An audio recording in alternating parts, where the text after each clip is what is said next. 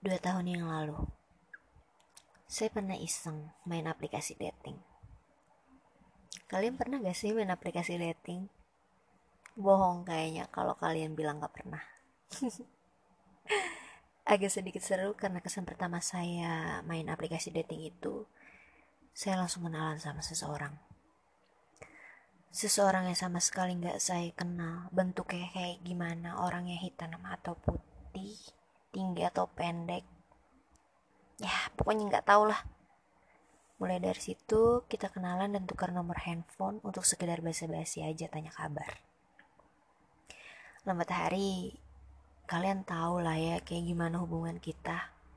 Ya kita pacaran. Tapi di sini aku bukan mau cerita tentang gimana masa-masa pacaran aku.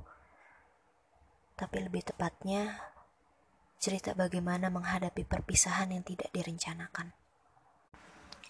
Setelah dua tahun bareng-bareng, kita memilih untuk berpisah. Jangan tanya kenapa, karena ya emang udah kayak gitu alurnya. Kalian pernah gak merasa seperti ada yang hilang setelahnya?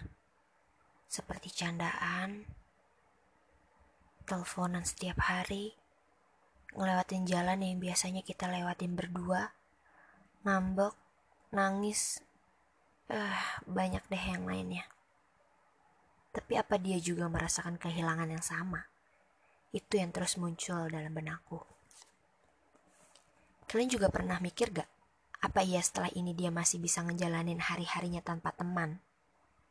Teman dalam tanda kutip, teman dekat ngejalanin hari-harinya seperti aku yang sampai saat ini pun jadi insecure banget sama diri sendiri.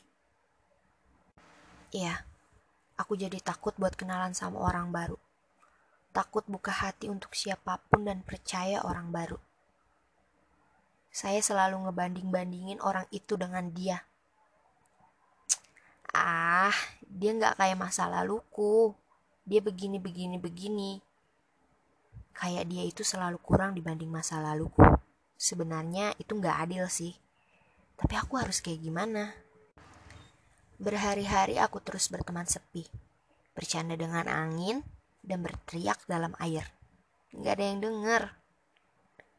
Aneh memang maunya hati. Giliran sendiri, mau ada yang nemenin. Giliran ada yang mau nemenin, eh malah kabur. Memang kadang semua hal harus ada yang diketawain. Salah satunya adalah kita yang masih mau bertahan di saat kita sudah tak diinginkan lagi keberadaannya. Satu hal yang harus kita tahu. Kadang belajar tahu diri itu perlu untuk menghargai diri bahwa tak perlu mengemis untuk menjadi sesuatu yang berarti. Love you all.